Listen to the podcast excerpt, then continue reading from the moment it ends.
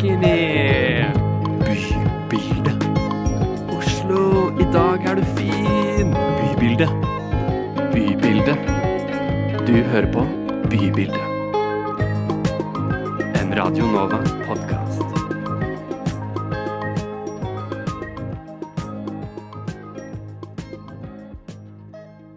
Hallo og velkommen til Bybildet. Et program her på Ragnova hvor vi tar for oss byen og det bygde rom. Urbanisme er et fint ord. Byutvikling er et annet. Vi er i hvert fall to karer her i studio. Alexander og min nedvert. Benjamin. Og vi skal snakke om Oslo. Oslo. Den store byen vi alle elsker. Eh, Jeg vet ikke med deg, kjære lytter, men jeg tror det er sannsynlig at du også bor i Oslo. Kanskje du hører på oss mens du går rundt, mens du tar din daglige vandring fra hjem til jobb eller til skole, og du ser deg rundt og du tenker litt på hvordan byen ser ut, og hvem som har bestemt hvordan den skal se ut, og hvordan du kanskje ville ha villet at det skulle sett ut hvis du kunne bestemme selv. Dette er podkasten hvor vi to, Benjamin og Alexander, setter oss ned i studio og snakker litt om hvordan vi mener at byen burde utvikles og bygges framover, og snakker med andre som har sterke meninger om eh, byutvikling. Og de sterke meningene de finner man litt sånn overalt. Det er mange forskjellige aktører som har interesse av å forme byen i sitt, eh, i sitt bilde. Men vi er altså da ikke noen eh, mektige aktører. Vi representerer ikke noe politisk parti. Vi har ikke noe store corporate eh, donors som eh, gir oss penger til å mm, Jeg vet ikke, for eksempel eh, Hvis vi hadde fått penger fra Equinor da, eller et eller annet sånt, noe, så ville det kanskje ha preget vårt program på en eller annen eh, sinnssyk måte. Men nei, vi er fullstendig uavhengige. Vi sitter her oppe i Oslo-studentenes helt egen radiokanal og lager denne podkasten egentlig bare basert på en, en egen interesse. Og Vi kan jo kanskje snakke litt kjapt om liksom, vår interesse, hvor det kommer fra, hvem vi er. Vil du begynne, Benjamin? Ja. Eh, Benjamin heter jo jeg. Benjamin Nordtømme. Jeg har bakgrunn fra nyhetsjournalistikk her på Radio Nova. Eh, Jeg har studert eh, og studerer samfunnsøkonomi, så der mm, er det noe, noe der som peker meg inn i liksom, urbanismen, byutviklingen. Vi økonomer vi tenker alt er økonomi. Eh, Det er vår lille arvesynd, om du vil. Um, men jeg for min del har kanskje blitt litt eh, radikalisert på en eller annen måte. Jeg bruker dette ordet ikke helt sånn på måfå, for jeg fikk liksom øynene opp for hvor mye mm, hvor mye politikk og hvor mye villet handling denne byen eh, består av, og egentlig alle byer i hele verden. At ting er som regel ikke supertilfeldig. Noen ting er tilfeldig, andre ting er ikke tilfeldig. Men eh, det er det som kanskje trigger meg aller mest. Jeg tror kanskje jeg begynte å lese mye. Jeg begynte å lese i eh, avisene og på Twitter og gud vet hvor eh, altså, har jeg kanskje merket meg at det foregår en slags sånn stille mm, revolusjon. Om jeg, jeg Ja, disse ordene er liksom veldig ladet med et eller annet bagasje.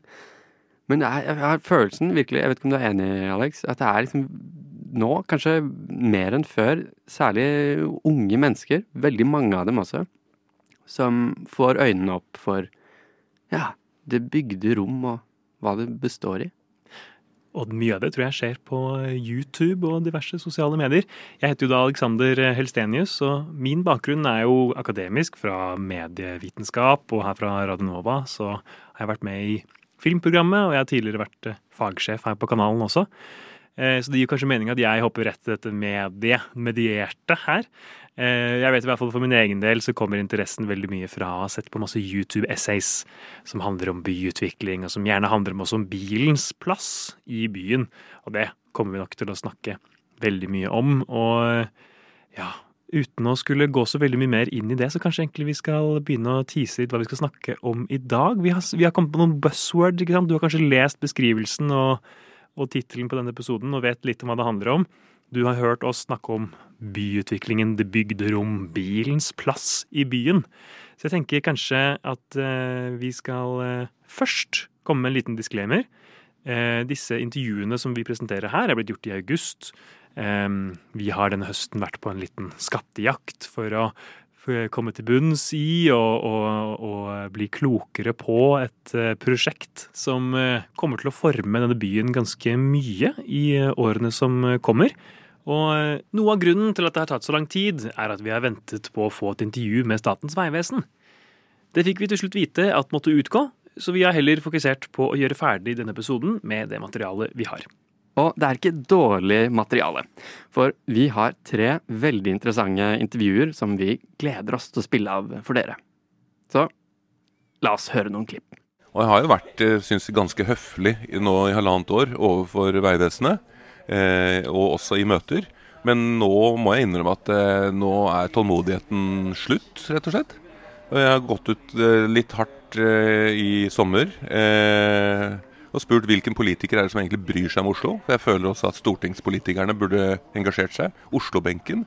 Eh, jeg mener at også politikere over hele landet burde engasjert seg i dette prosjektet. Og i en elendig bestilling fra Samferdselsdepartementet. Vi forholder oss til de vurderingene som fagetaten vår gjør, Statens vegvesen. Og eh, deres vurdering er fortsatt tydelig på at eh, alternativet med permanent stengning er både et dårligere og dyrere alternativ. Eh, og det forholder vi oss til. Det som har vist seg eh, de siste 20-30 årene, er jo at Statens vegvesen er en veldig lite egnet etat. Og har veldig dårlig kompetanse når det gjelder byutvikling. Det, det er det skjønn enighet om. Hvis du står og lurer litt på hva i alle dager er det de snakker om, så skal jeg hjelpe deg litt nå, kjære lytter. Vi skal altså til en tunnel her i Oslo. Som du kanskje har tenkt på, men ikke vet navnet på. For enten du har sjangla hjem fra Oslo Street Food, hatt eh, barnebursdag på Megazone, drukket kaffe på Fuglen, eller bare tatt 37-bussen, eh, så har du vært der. Hammersborgtunnelen. Kronjuvelen i et system vi kaller eh, Ring 1. Altså den innerste av tre ringveier for biler som går da gjennom eh, vår by. Og disse er så, så, viktige til og med også at vi i sånn dagligtalen snakker om eh, innenfor ring 3, innenfor ring 2, innenfor Altså at det har en sånn helt unik plass også i vår, eh, vår, vår diskurs, vårt vokabular, da, rett og slett. Og mm, ja.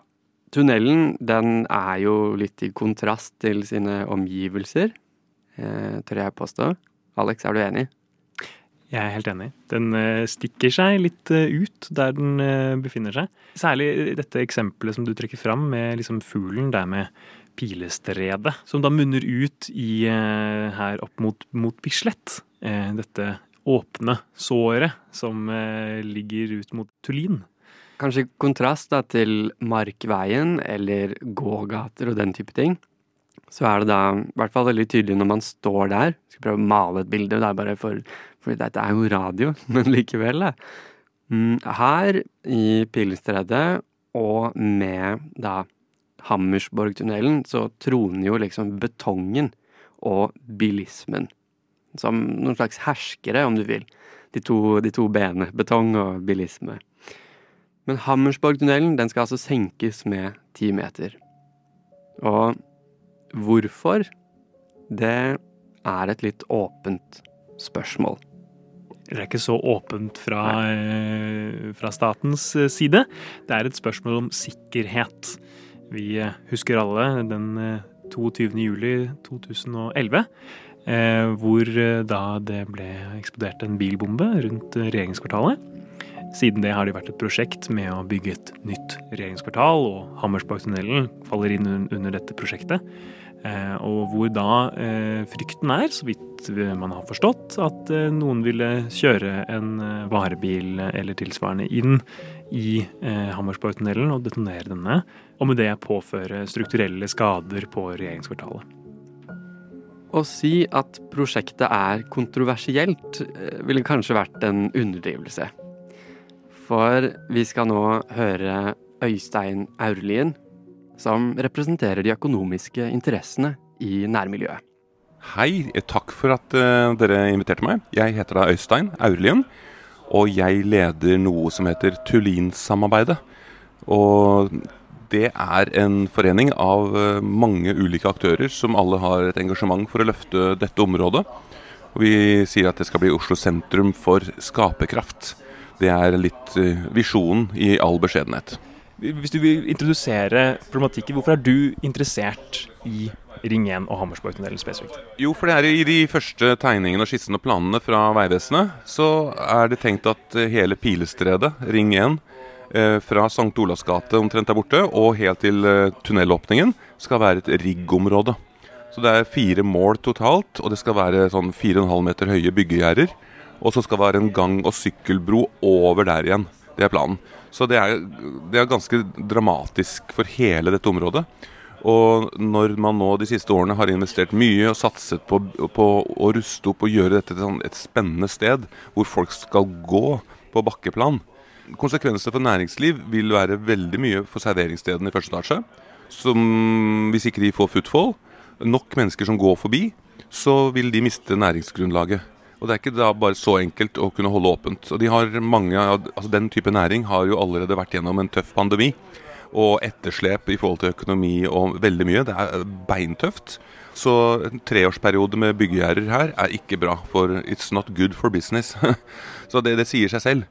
Um, så er jo, vi er jo litt frustrert, for vi føler at vi får jo ikke noe gehør for det. Altså, det er jo næringsliv. Hvem bryr seg om næringsliv? De får greie seg selv.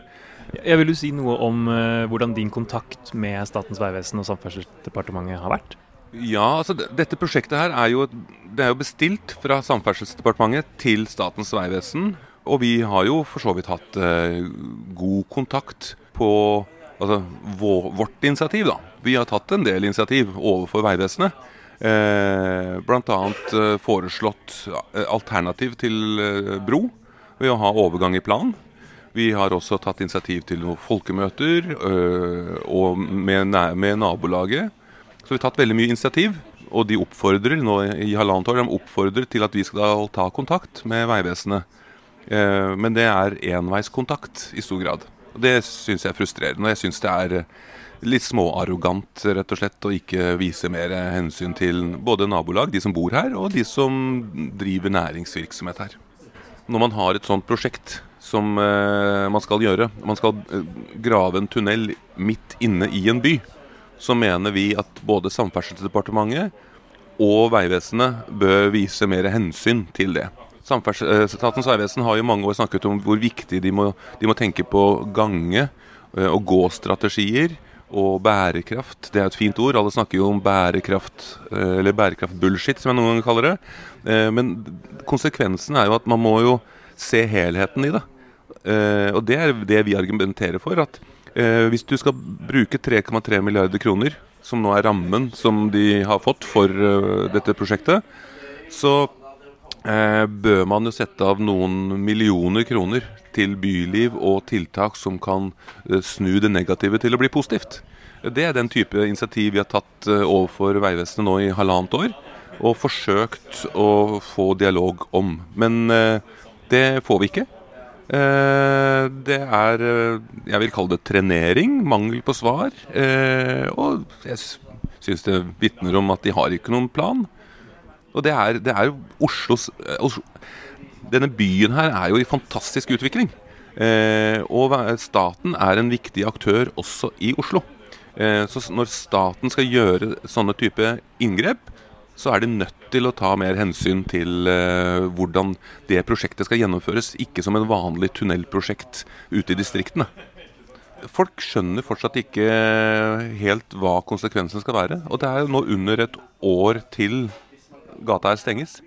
Eh, det er jo mange som er sånn Det som kan bli litt kompliserende der, er at noen er fortsatt sånn eh, i forhold til selve prosjektet vi, Eller Ring 1. Vi trenger ikke Ring 1. Og jeg tror for mye fokus på den debatten overskygger prosjektdebatten om selve gjennomføringen. Jeg er også av den oppfatning at strengt tatt så trenger vi ikke Ring 1 i fremtiden. Uh, men det, jeg, det, tror jeg ikke noen på Stortinget eller departementet tør å innse. For da vil man finne ut at oi, vi trengte ikke rive Y-blokka likevel, nei. Så det er litt sånne ting som uh, tror uh, er grunnen.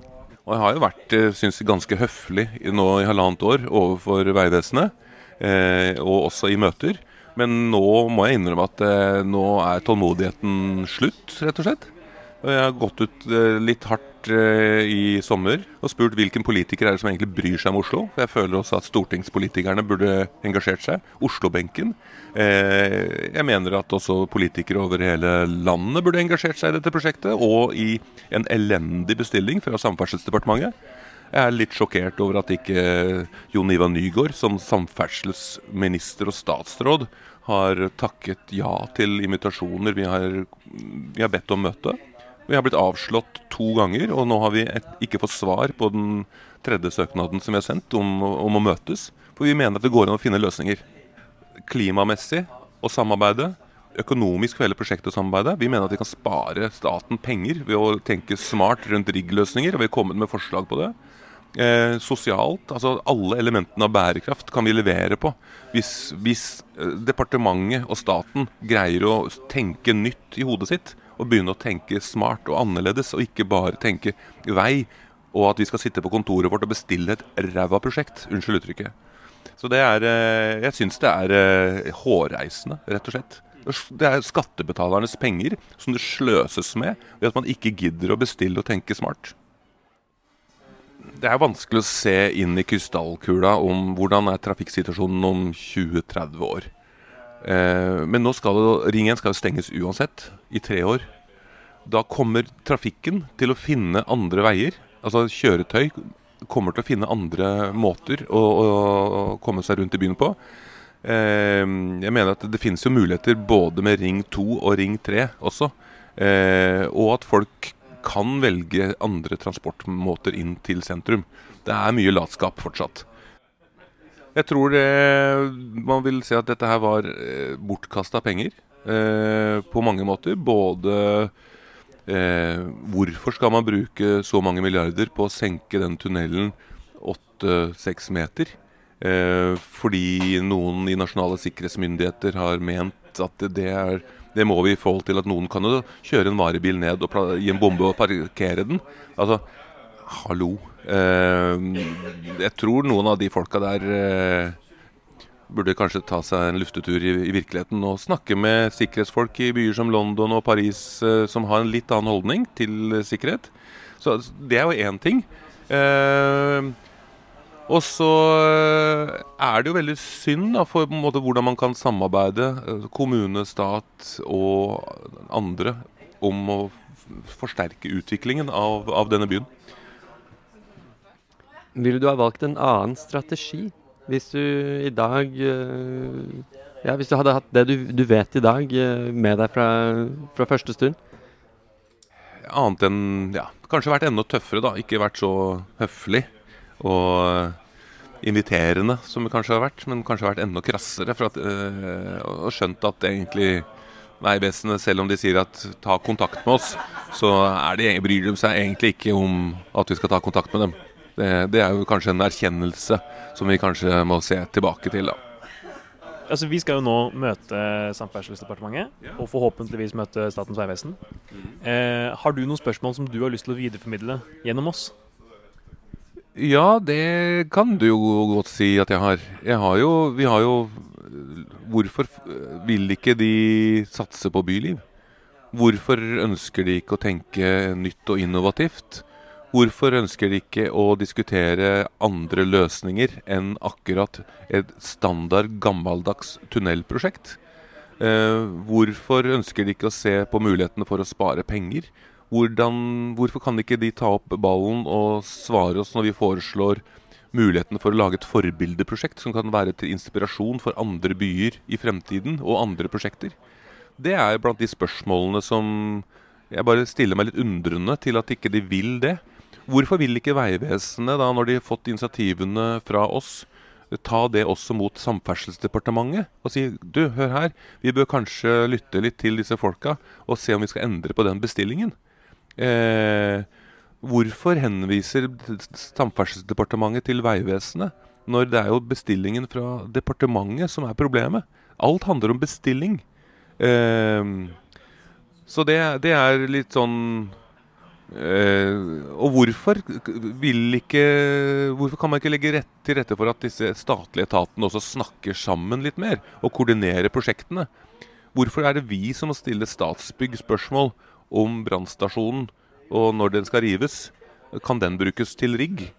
Hvorfor sier da Vegvesenet til oss ja, men du, vi tror kanskje at det er noe sikkerhetshensyn?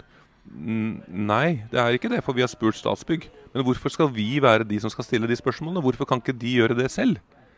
Ja, nå fikk jeg noen, det er jo noen spørsmål. um, jeg tror kanskje vi skal avslutte nå. Og det siste spørsmålet jeg har lyst til å stille, deg, er egentlig bare hva er veien videre? Du, jeg er veldig usikker på hva veien er videre nå. Uh, rett og slett. Tiden går fryktelig fort.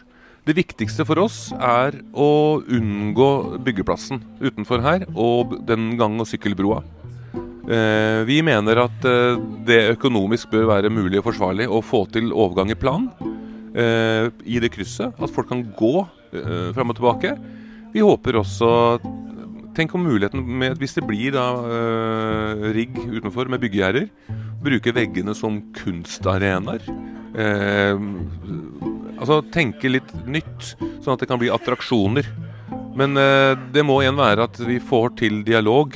Og sånn som vi har opplevd Vegvesenet og departementet hittil, så er vi ikke veldig optimistiske. Dessverre.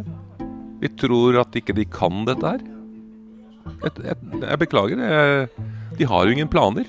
Og de har ikke noe kompetanse, virker det som. Annet enn å grave en tunnel. Det kan de jo. Men de, de vet ingenting om en by. De skjønner ikke hva, hva et sånt prosjekt er i en by. Og det er sjokkerende. Som lovet tok vi altså med oss spørsmålene til Øystein da vi troppet opp i Akersgata for å intervjue en representant for Samferdselsdepartementet. Mitt navn er Tom Kalsås, og jeg er jo statssekretær i Samferdselsdepartementet. Jeg har vært det siden november 2022. Og mine ansvarsområder er jo vei, byvekstavtaler og trafikksikkerhet, som gjør jo at jeg òg har ansvar for bl.a. Ring 1-prosjektet. Først er det jo viktig å få fram at eh, sant, Ring 1-prosjektet er jo ikke et uh, typisk samferdselsprosjekt i klassisk forstand. Det handler jo først og fremst om å ivareta uh, sikkerheten for nytt regjeringskvartal. Det er et viktig bakteppe å ha med seg uh, i denne saken. så er det jo på ingen måte optimalt å måtte stenge Ring 1 midlertidig i tre år. Det tror jeg de fleste ser. Men det er jo gjort grundige vurderinger av eh, alternativet, og Statens vegvesen, som er vår fagetat, er tydelig på at eh, alternativet med, med å stenge eh, Ring 1 permanent er et både, både, dårligere og dyrere alternativ. Men de tallene, så vidt vi har forstått fra Menon Economics, der gjøres det blant annet, altså det legges bl.a. til grunn at prosjektet kommer til å koste omtrent halvparten av det som det er lagt opp til nå. 1,4 eh, milliarder er vel det det, det står i den rapporten, mens det nå er budsjettert for 3,3. Hvordan stiller dere til den, eh, altså, denne kritikken? Nei, eh, som sagt, Vi forholder oss til de vurderingene som fagetaten vår gjør, Statens vegvesen. Og deres vurdering er fortsatt tydelig på at alternativet med permanent stengning er både et dårligere og dyrere alternativ. Eh, og det forholder vi oss til. Hvordan eh, forholder dere da til kritikken fra Oslo kommune og media som går på at det, selv om det kanskje ikke nødvendigvis er et samfunnsøkonomisk gode, heller kan gagne Oslo i det lengre løp, og at det om tre år kanskje vil vise seg at dette har vært et unødvendig bruk av penger? Ja, Som jeg sa innledningsvis, så handler jo dette om å ivareta sikkerheten eh, for nytt regjeringskvartal. Eh, det er det aller viktigste for dette prosjektet. og det, eh, Med den historikken som ligger bak her, så, så er jo det det aller viktigste å ivareta for dette prosjektet. Ja, det, det, svarer jo ikke på spørsmålet om med, med stengning. Da, for det, altså, eh, hvis vi stenger eh, tunnelen, så vil jo det ikke være noen sikkerhetsmessige konsekvenser nødvendigvis. Har dere vurdert å utrede muligheter for å bare beholde trafikk for nødetater og eh, kollektiv? Ja, Det er jo grundig vurdert eh, alternativet som er permanent stenging. Og, og, svaret fra Vegvesenet er tydelig på at deres vurdering er at det er et både eh, dyrere og dårligere alternativ. Eh, og det er grunnlaget for eh, vår beslutning. Er det bare basert på Menon Economics? Ja, Det er basert på de vurderingene som Statens vegvesen har kommet med. som eh, Der er gått mange runder på og vurdert eh, veldig grundig. Men når eh, det politiske og medietrykket er som det er, eh, kan dere ikke være mer tydelige på at dere har lyst til å se på eh, andre eh, mulige løsninger? Ja, Det er jo vurdert alternativ her, eh, men konklusjonen er at dette er den beste løsningen på sikt. og da, Det er jo det, det konklusjonen baserer seg på. Eh, I vårt intervju med Øystein Aulien fra Tullin-samarbeidet eh, så han, retter han en god del kritikk eh, mot eh, Samferdselsdepartementet og Statens vegvesen. Eh, og han har bedt oss også om å viderebringe en del spørsmål, fordi han, de får ikke til å få noe møte med dere. Eh, de lurer bl.a. på dette med kommunikasjonen etatene imellom. Mm. Mellom Statsbygg og Statens vegvesen. der har de opplevd at de har sittet på informasjon i Tullin-samarbeidet eh, som de har fått ved å snakke med Statsbygg, som de så eh, tar til samtaler med Statens vegvesen, hvor Statens vegvesen ikke har denne informasjonen. At det er tydelig at Statens vegvesen og Statsbygg ikke snakker sammen. Hvordan stiller du deg til dette? Ja, det har jeg ingen kjennskap til. Det er, blant annet, det er spesifikt i, eh, i spørsmålet rundt riggområdet i Pilestedet. Mm. Eh, hvor eh, Turin-samarbeidet ønsker å se på muligheter for å ha Eh, rigg-området på den gamle eh, brannstasjonen.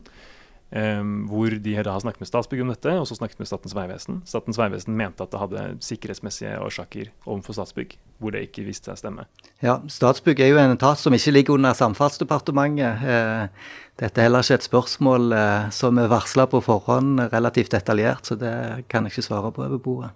Nei, jeg skjønner når, man, når, vi ser på disse forskjellige infrastrukturprosjektene som foregår rundt omkring eh, Oslo, eh, nå med E18 Vestkorridoren og Fornebubanen, så eh, ser man jo veldig store kostnadssprekker i budsjettene. Hva tenker dere om dette framover for, eh, for Ring 1, og som det snart er byggestart? Tror dere at det kommer til å holde seg på denne budsjetten på 3,3 milliarder? Ja, generelt kan jeg jo si at kostnadssprekker og eh, det å ha kontroll på kostnadene er jo en av de viktigste oppgavene vi jobber med i i Samferdselsdepartementet. Eh, for eh, kostnadssprekk på ett prosjekt betyr eh, mindre penger til andre prosjekt. Så det er det veldig stort fokus på. Og hvorvidt det blir kostnadssprekker på dette prosjektet, det er det ingen grunn for at jeg skal sitte og spekulere i per i dag.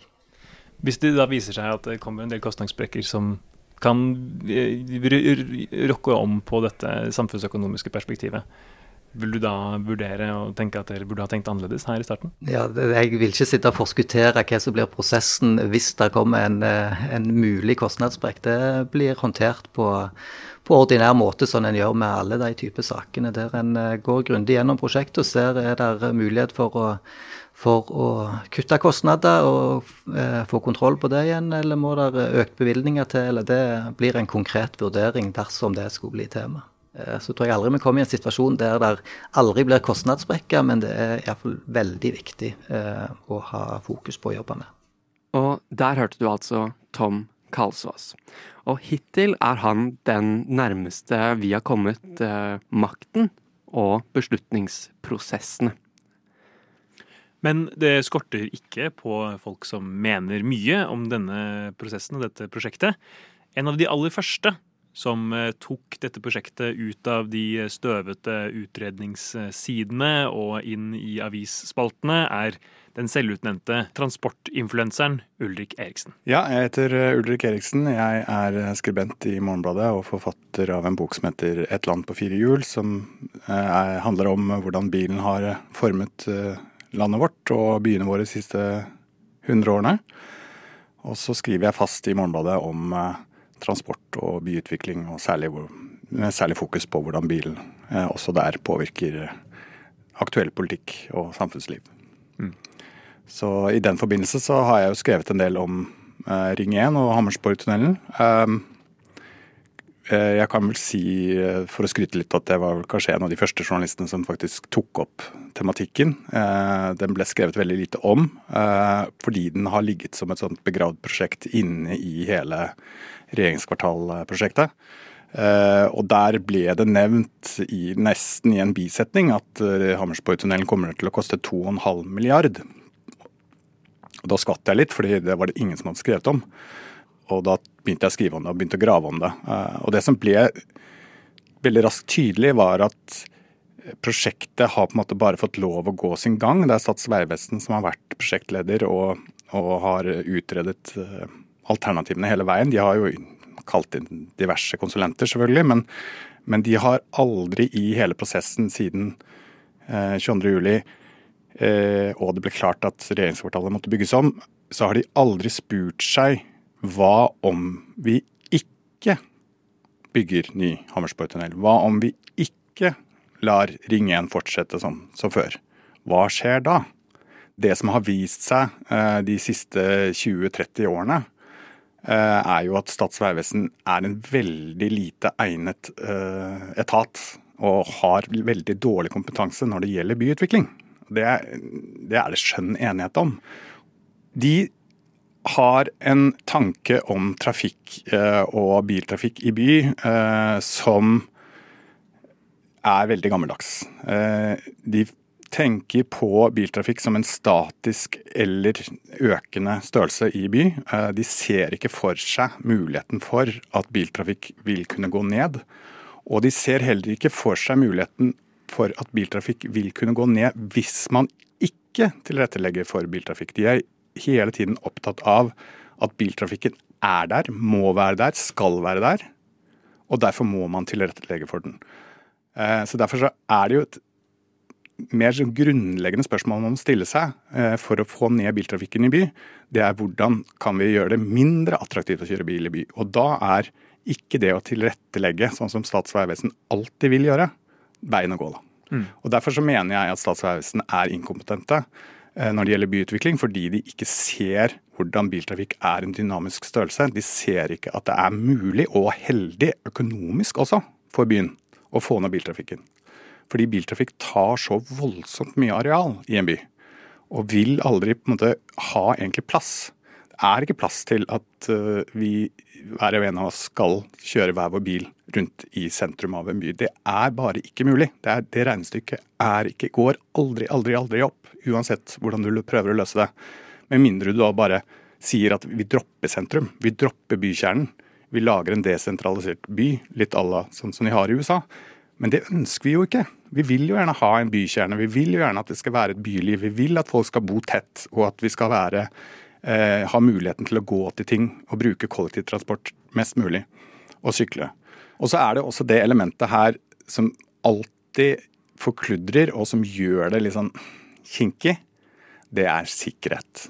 Raymond Johansen gikk ganske hardt ut eh, i, rett før sommeren Eh, og sa rett ut at eh, han er ekstremt frustrert, fordi at hver gang han prøver å stille noen spørsmål i denne saken, her, så får han også dette svaret tilbake sikkerhet. Og den derre sikkerhet trumfer absolutt alt, det er også et demokratisk problem. ikke sant? Fordi det gjør at vi aldri helt liksom får de svarene vi trenger. Og, og, og det gjør at det blir enklere for Samferdselsdepartementet å henvise til Statsbygg og Statens vegvesen. Og det gjør at det blir enklere for Statens vegvesen og Statsbygg å si ja, men dette er egentlig Samferdselsdepartementet og også enda en etat, nei, departement, for det er også Kommunaldepartementet som egentlig er byggherre for hele regjeringskvartalet. ikke sant? Så eh, det gjør det enda mer komplisert. Altså, det er mange som sitter på Eh, ansvaret. Eh, og alle kan liksom sparke til hverandre, og så ligger sikkerhet i bunnen der som en sånn evig triumfgreie. Um, til syvende og sist så er det jo Stortinget som bestemmer dette her. Uh, så, og de kan vedta hva de vil. Uh, for det er de som skal bevilge penger til dette prosjektet. Og foreløpig har de fått 200 millioner. Det blir ikke noe tunnel av 200 millioner kroner. Så dette statsbudsjettet er nok det som er det aller siste halmstrået man har for å få stoppet dette prosjektet. Og det er opp til Stortingets politikere.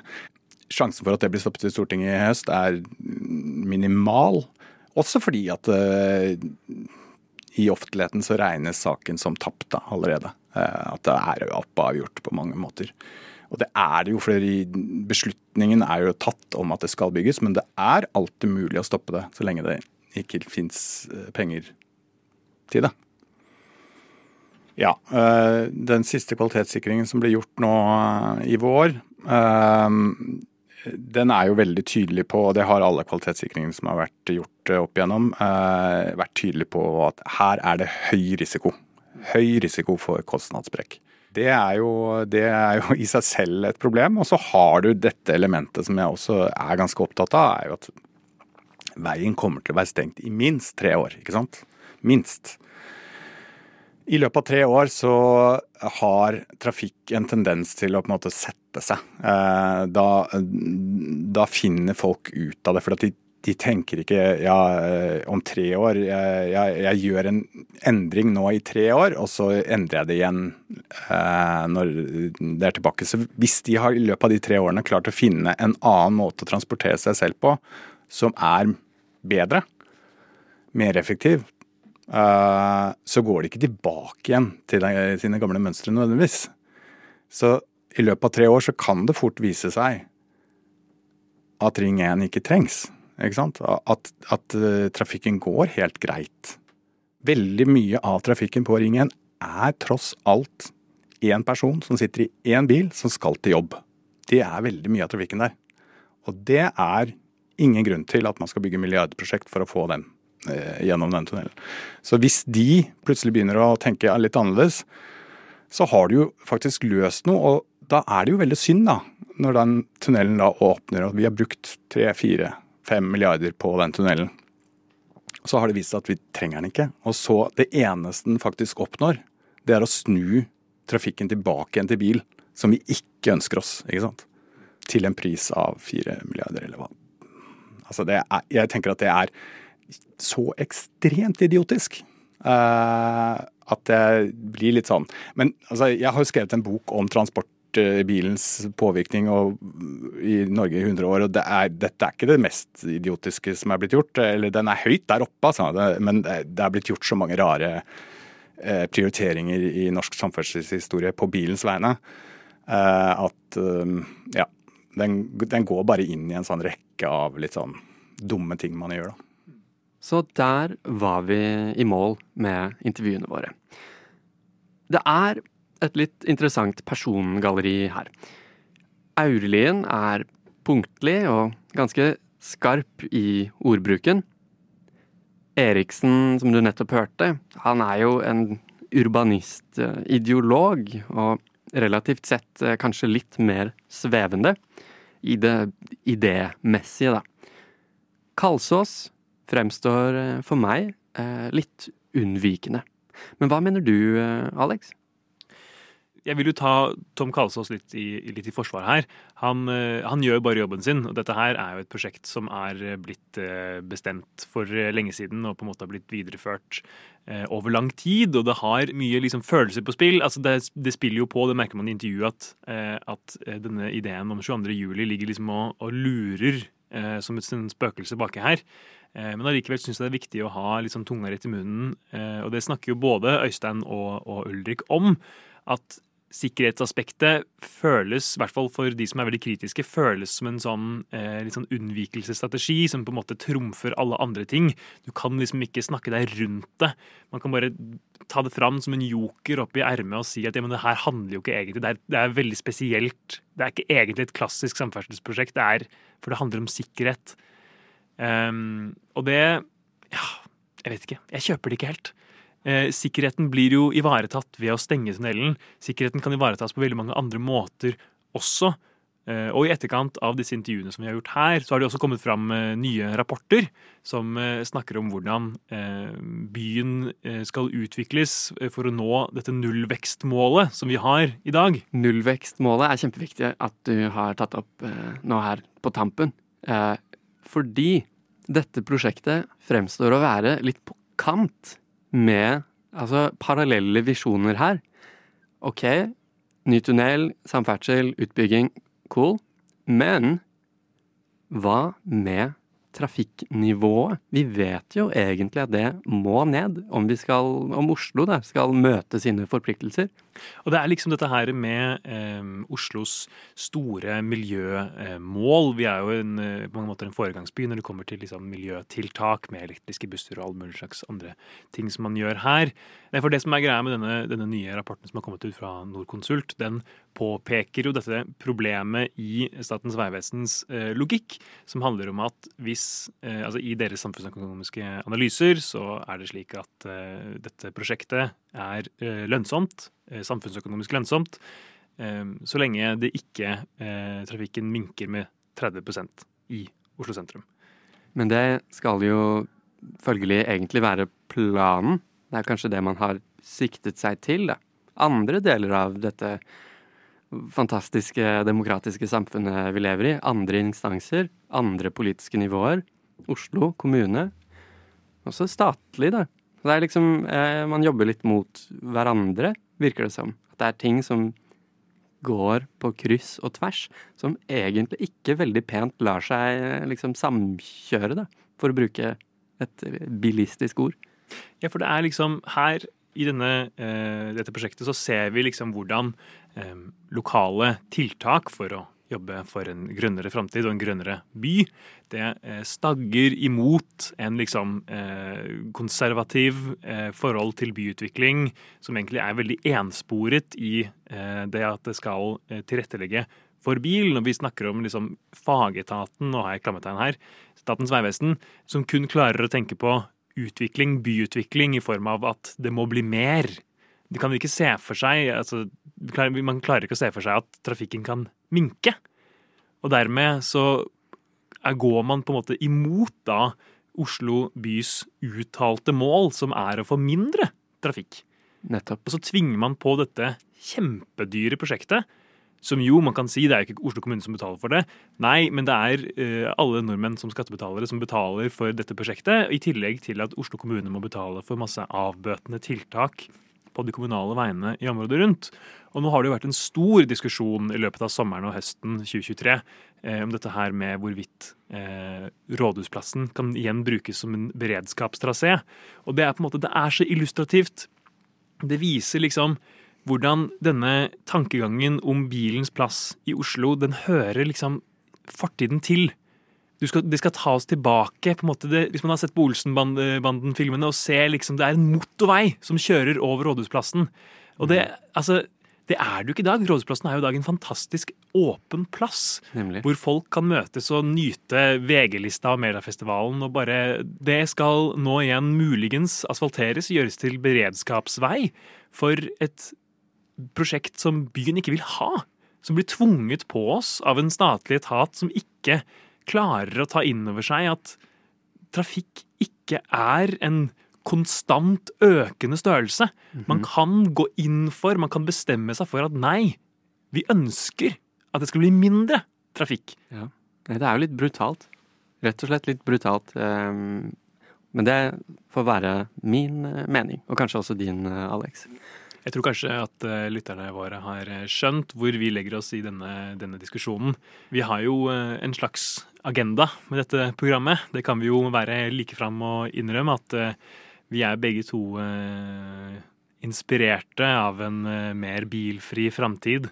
Og det er jo en fin liten teaser til vår neste episode, som kommer til å handle om bilens plass i Oslo. Vi gjorde jo da dette intervjuet med Ulrik Eriksen, som dere har hørt utdrag fra nå. Jeg sier utdrag fordi vi eh, gjorde et lengre intervju eh, etter at vi var ferdig med å snakke om Hammersborgtunnelen, som handlet generelt om bilens plass i Oslo. Eh, og det skal vi bruke som utgangspunkt til en ny episode som skal handle utelukkende om det. Så vi håper at du vil følge med oss. Det gjør vi. Tusen takk for at du har vært med oss og hørt på denne episoden av Bybildet. Og mer innhold fra oss eh, finner du på vår eh, Instagram-konto. Eller så kan du også bare følge med på vår podkast-feed. Vi sier takk for nå. Takk for nå. Tusen takk. Ha det bra.